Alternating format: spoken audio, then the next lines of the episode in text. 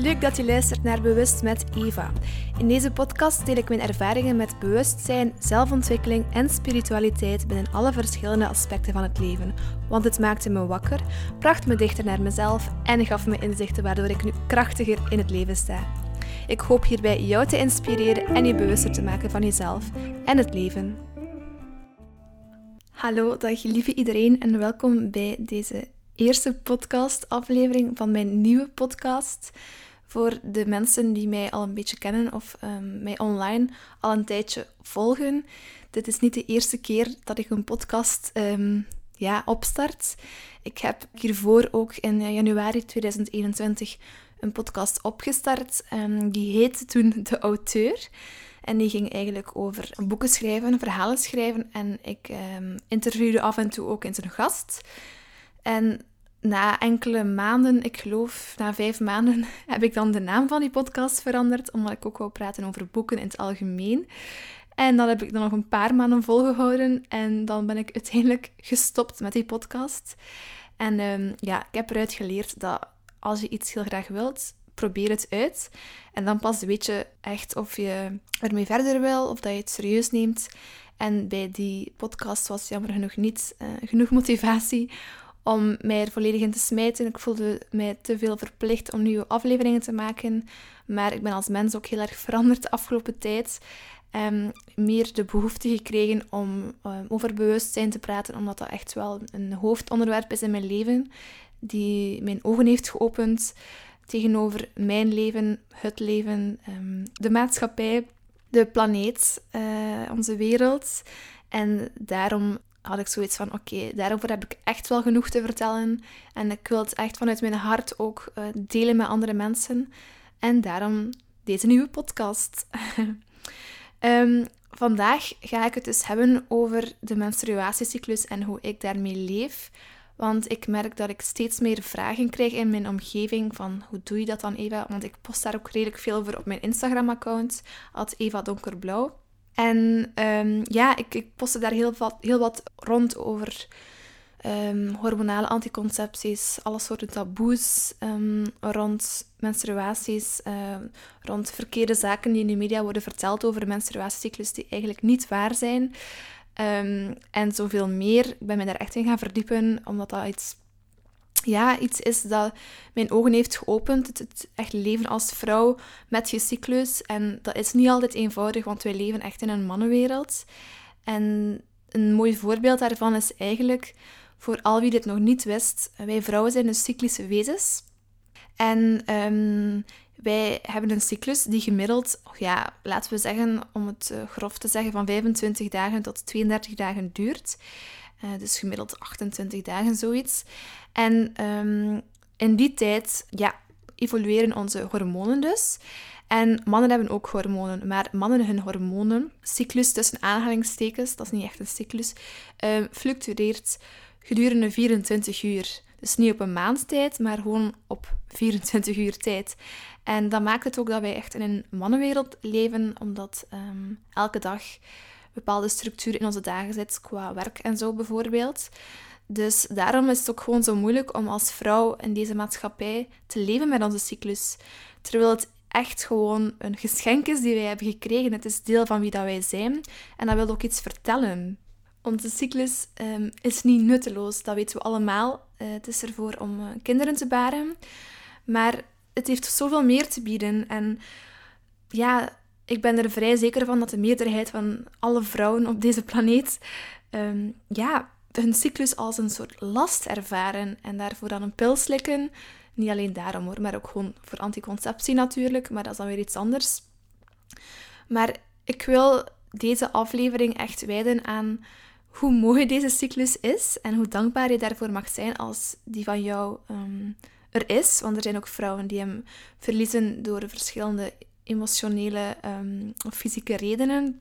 En ik wil jou ook de tools uh, geven die ik afgelopen jaar heb geleerd om daarmee te leven en om in je kracht te staan en er alles uit te halen in plaats van alles als een last te zien van dat je aan het bloeden bent en je daardoor minder goed voelt.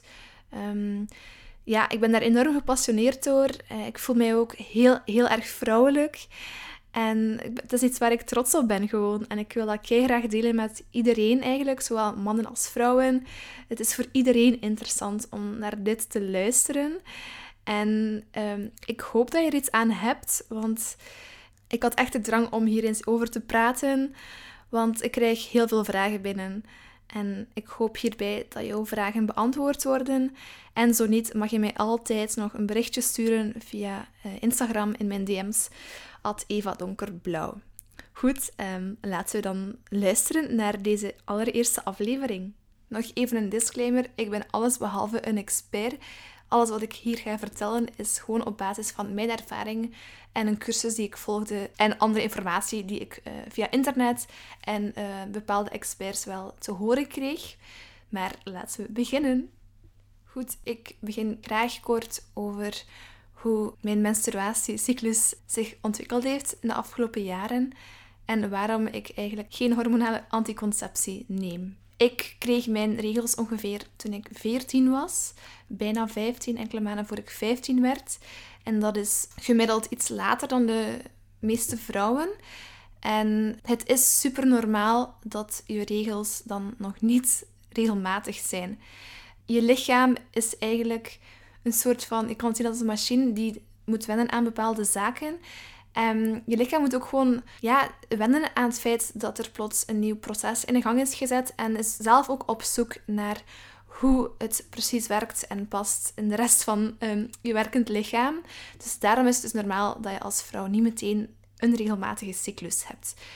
Um, van mij heeft dat zeker drie jaar geduurd voordat het regelmatig was. Ik was 18, bijna 19 ook, toen mijn cyclus eindelijk uh, regelmatig werd.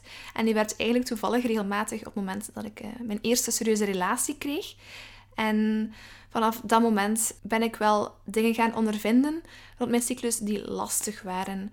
Daarvoor was hij dus onregelmatig. Meestal was het dat ik ze om de twee maanden kreeg. Dus een maand wel, een maand niet, een maand wel. Eigenlijk zat er al een soort regelmaat in, maar niet volgens ehm, de wetenschap. Dus vanaf het moment dat ik een serieuze relatie kreeg, um, ben ik vrij snel uh, bepaalde zaken gaan opmerken binnen mijn hormonen die ik eerst niet echt had opgemerkt. Ik wist wel, wel van mezelf uh, daarvoor als tiener dat als ik heel emotioneel was en huilde, dat dan mijn regels wel ieder moment konden doorbreken. Maar voor de rest had ik eigenlijk ook geen pijn met mijn regels, of amper toch. Dat zorgt ervoor dat ik wel uh, fijne eerste jaren had, ondanks dat ze niet regelmatig waren. En in die tijd heb ik ook nooit dus hormonale anticonceptie genomen, omdat ik daar niet echt een reden voor had. Um, ik was seksueel niet actief. Ik had niet echt problemen op hormonaal vlak of um, fysieke klachten die ik had. Um, maar er was natuurlijk nog een andere reden. Ik ben zelf uh, vrij holistisch opgevoed door ouders die zelf eigenlijk zo weinig mogelijk medicatie nemen. En heel natuurlijke uh, dingen voorzien om te genezen van bepaalde zaken. En daarom was het voor mij ook gewoon logisch dat ik dan niet iedere maand een pilletje zou gaan slikken om bijvoorbeeld mijn cyclus regelmatig te krijgen. Ik liet het gewoon zijn gang gaan. En achteraf gezien was dat ook juist. Ik leerde namelijk van Ineke van Nieuwenhoven, dat is een hormoon- en yoga-coach, als ik het juist heb, dat onze menstruatiecyclus eigenlijk on hold, dus ja, een soort van op pauze wordt gezet of geblokkeerd door de pil in te nemen. Dat zal dan niet bij elke pil zo zijn. En meer weet ik er ook niet van, want ik ben geen expert in, de pil pakken. Maar dat zorgt ervoor dat dus die cyclus, dat proces in je lichaam op pauze wordt gezet. En dat je ja, je lichaam eigenlijk soort van niet meer de kans geeft om uh, eraan te wennen en ermee te werken met het nieuwe proces in je lijf. En ja, dat heeft echt ook wel onder andere mijn ogen geopend nog eens over hormonale anticonceptie.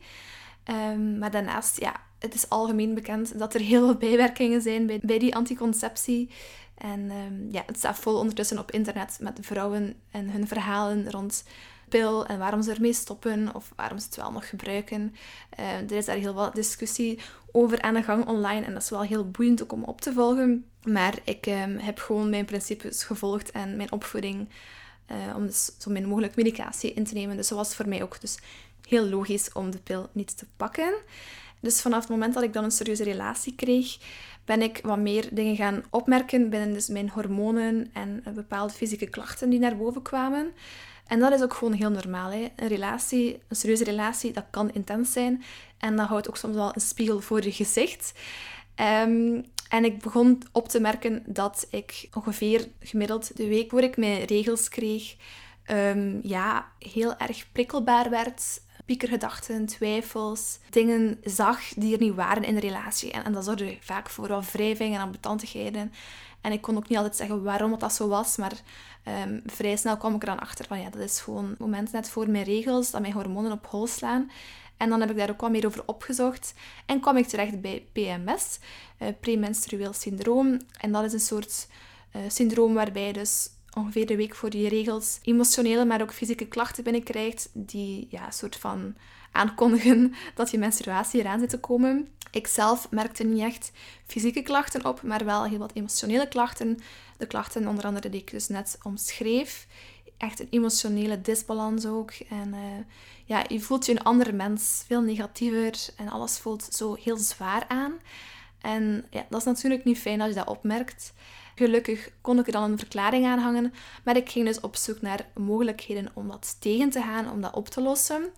En uh, ik ben onder andere naar een acupuncturist geweest. Ik heb natuurlijke supplementen ingenomen daarvoor, uh, die mijn mama ook aanraadde, die zij ook nam. Um, ik heb dat een paar maanden gedaan en dat ging op zich wel. Dat hielp bepaalde zaken wel, maar ik merkte ook wel dat zaken zoals veel bewegen, veel sporten, dus tijdens die cyclus ging vaak sporten. Ik ben sowieso wel iemand die regelmatig sport, maar ik merkte echt wel dat dat invloed had op hoe ik mij dan hormonaal voelde vlak voor ik mijn regels kreeg.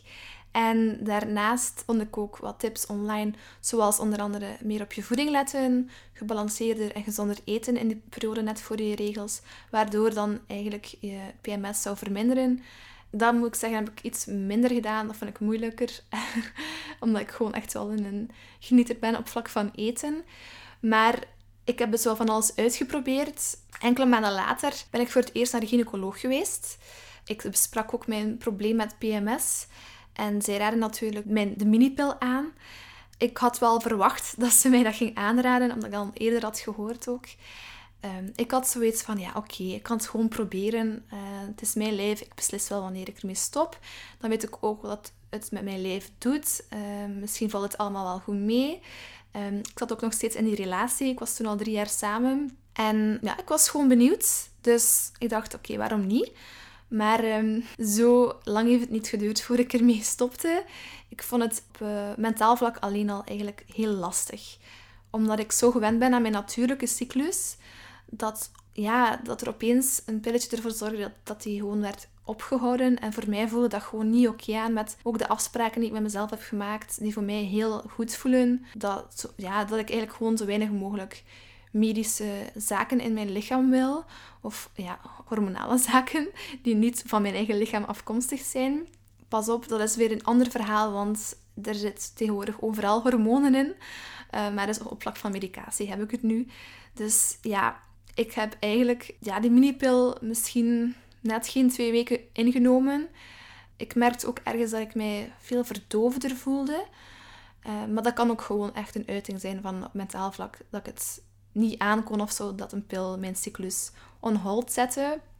Dus ja, ik ben er vrij snel weer mee gestopt.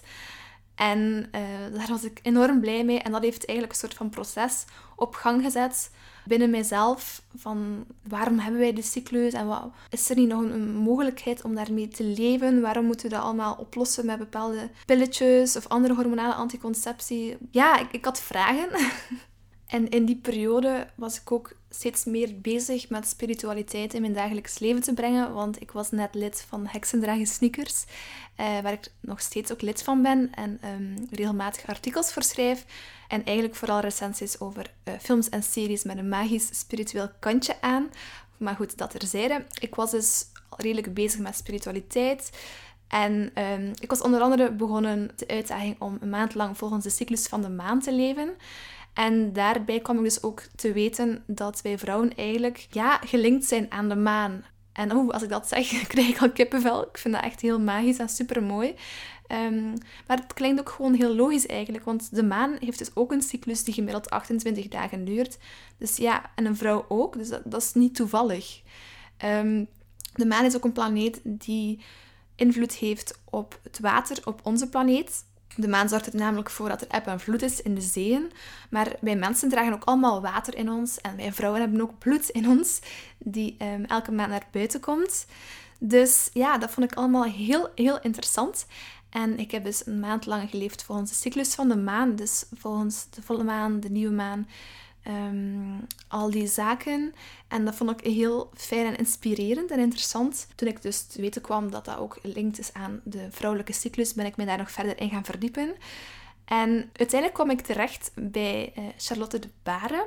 En um, Charlotte de Baar, ja, ik kan daar veel over vertellen. Een super interessante, inspirerende vrouw.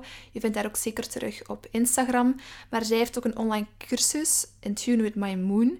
En die gaat dus over leven met je menstruatiecyclus in combinatie met de maancyclus. En zij heeft ook echt nog meer mijn ogen geopend en mij echt de tools aangegeven om ja, er kracht uit te halen en je cyclus correct te gebruiken. Allemaal zaken die wij als vrouw of iedereen gewoon we leren dat gewoon niet op school. En dat vind ik zo, zo jammer. Want als ik dan vertel aan, vrouwen in mijn omgeving van ja, wij hebben vier fases binnen onze cyclus, dan kijken ze mij echt aan van wat? Waarom wist ik dit niet eerder? Um, geloof me, dat heb ik mij ook al meerdere keren afgevraagd. Maar ik wil dus eigenlijk op basis van alles wat ik heb geleerd van haar, van die, uh, van die cursus, um, ook kort meedelen met jullie. Dus mijn ervaring ermee, wat ik er heb uitgeleerd. Dus eerst en vooral shout-out naar Charlotte de Baren. Ik haal heel veel inspiratie uit jou. Dus dankzij jou ook denk ik dat ik vandaag de dag zo fijn kan leven met mijn cyclus. Dus ik wil eigenlijk met jullie ehm, kort door die vier fases gaan die wij als vrouw ondergaan met onze cyclus. Want dat heeft mij als vrouw gewoon de tool gegeven om kracht te halen uit mijn dagelijks leven met mijn cyclus. Laten we gewoon beginnen bij fase 1. En fase 1 is het moment dat je maandzonnen eigenlijk net voorbij zijn. En die fase wordt ook wel de lente genoemd binnen onze cyclus. En dat is eigenlijk het moment dus dat je stopt met bloeden. Het voelt eigenlijk een beetje aan als een frisse start, een nieuwe start. En vaak word je dan ook weer socialer. Want als vrouw weten we allemaal dat we tijdens onze regels vaak iets minder behoefte hebben aan sociaal contact. En het gewoon sowieso rustiger aan willen doen, omdat we soms ook wel fysieke klachten hebben. Maar dus vanaf het moment dat dat voorbij is, of bij mij is dat, duurt dat iets langer. Ik heb like een paar dagen nog nodig dat mijn lichaam weer op orde moet komen en alles te lossen. Dan ga je weer meer energie krijgen en meer zin hebben om verfrissende activiteiten te doen. Eventueel weer te sporten als je een grote sporter bent. Um, nieuwe indrukken opdoen, prikkels. Ja, je houdt gewoon weer van heropleving, mensen zien je gaat ook waarschijnlijk merken aan je hormonale balans dat je je weer rustiger voelt en minder dramatisch in je vel. Dat is ook altijd heel fijn. Um, en ook een leuke weetje, een paar dagen voor tot een paar dagen na je ijsprong, dat is wel later, maar dat is ook al ergens tijdens die week, uh, ben je heel vruchtbaar ook als vrouw. Dus dat is ook niet onbelangrijk natuurlijk.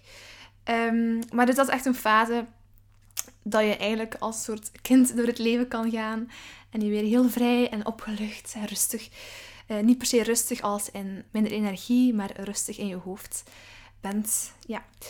Um, en dan ga je naar fase 2. Fase 2 is mijn favoriete fase. Um, misschien dat je als vrouw dat wel herkent als ik het over vertel. Maar tijdens die fase, uh, rond die fase eigenlijk, vindt je ijsprong plaats. Dat ben je het meeste vruchtbaar ook, zoals ik daarnet zei.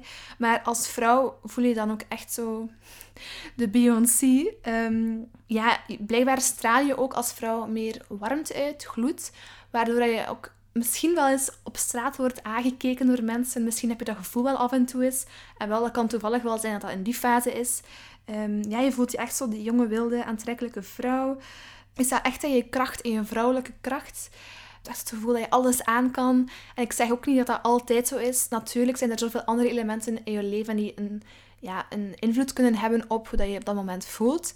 Maar over het algemeen heb je eigenlijk geen last van uh, veel hormonale schommelingen.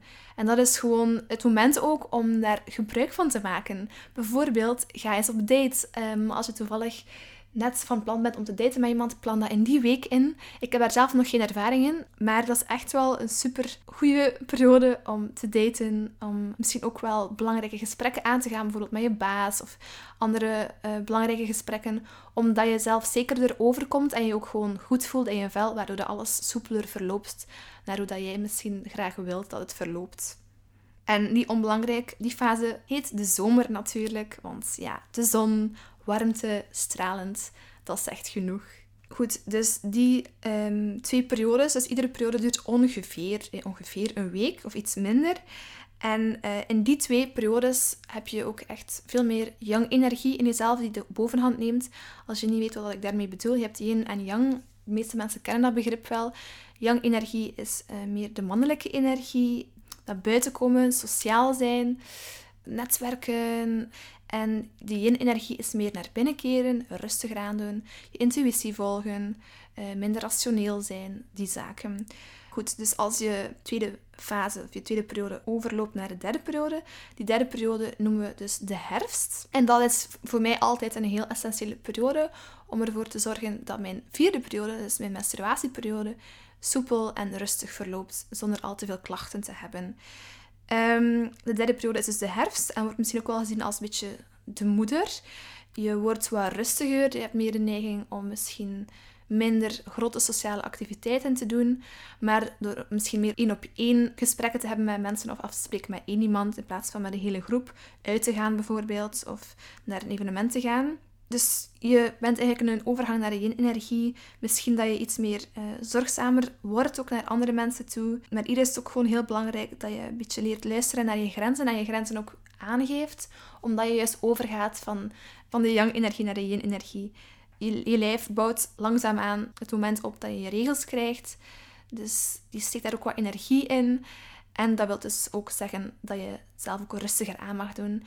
En uh, mag echt luisteren naar de signalen van je lijf. Ik ga een voorbeeld geven uit mijn eigen leven. Ik sport regelmatig drie, vier keer per week. Maar ik heb ook echt leren luisteren naar mijn lichaam op dat vlak. Want ik kan gewoon niet een maand aan een stuk, vijf dagen per week uh, sporten. De week voor mijn regels, dat gaat ook niet altijd. Het begin misschien wel nog, het einde niet. Um, en dat wil gewoon zeggen, mijn lijf die aangeeft... ik heb geen energie nu nog om, om alles te geven op fysiek vlak. Luister daar ook gewoon alsjeblieft naar. En zo zijn er verschillende signalen. Misschien ben je wat moer, kan je niet veel prikkels verdragen om je heen. Dat is echt gewoon normaal. Negeren alsjeblieft niet. Dat is een teken dat je lichaam jou iets wil vertellen. En als je daarop inspeelt, ik beloof het you, I promise, je regels zullen soepeler verlopen. Want een, eh, een belangrijk ding om op te merken tijdens die periode is stress hebben. Of ook misschien eetpatroon waarop dat je moet letten. Wat ik heb ervaard is dat als je tijdens die periode eh, heel angstig bent of veel in de stress zit, dan heb ik echt ja, zware pijnlijke maandstonden. Ik heb nog maar één keer gehad dat ik echt flauw ben gevallen van de pijn. Dat is een paar jaar terug. Um, toen zat ik emotioneel ook niet altijd zo gebalanceerd in mijn vel. Nu weet ik dus waarom ik ben flauw gevallen. Maar dus als je tijdens die periode al veel stress ervaart, kan het ook zijn dat dat zich dan uit tijdens je regels.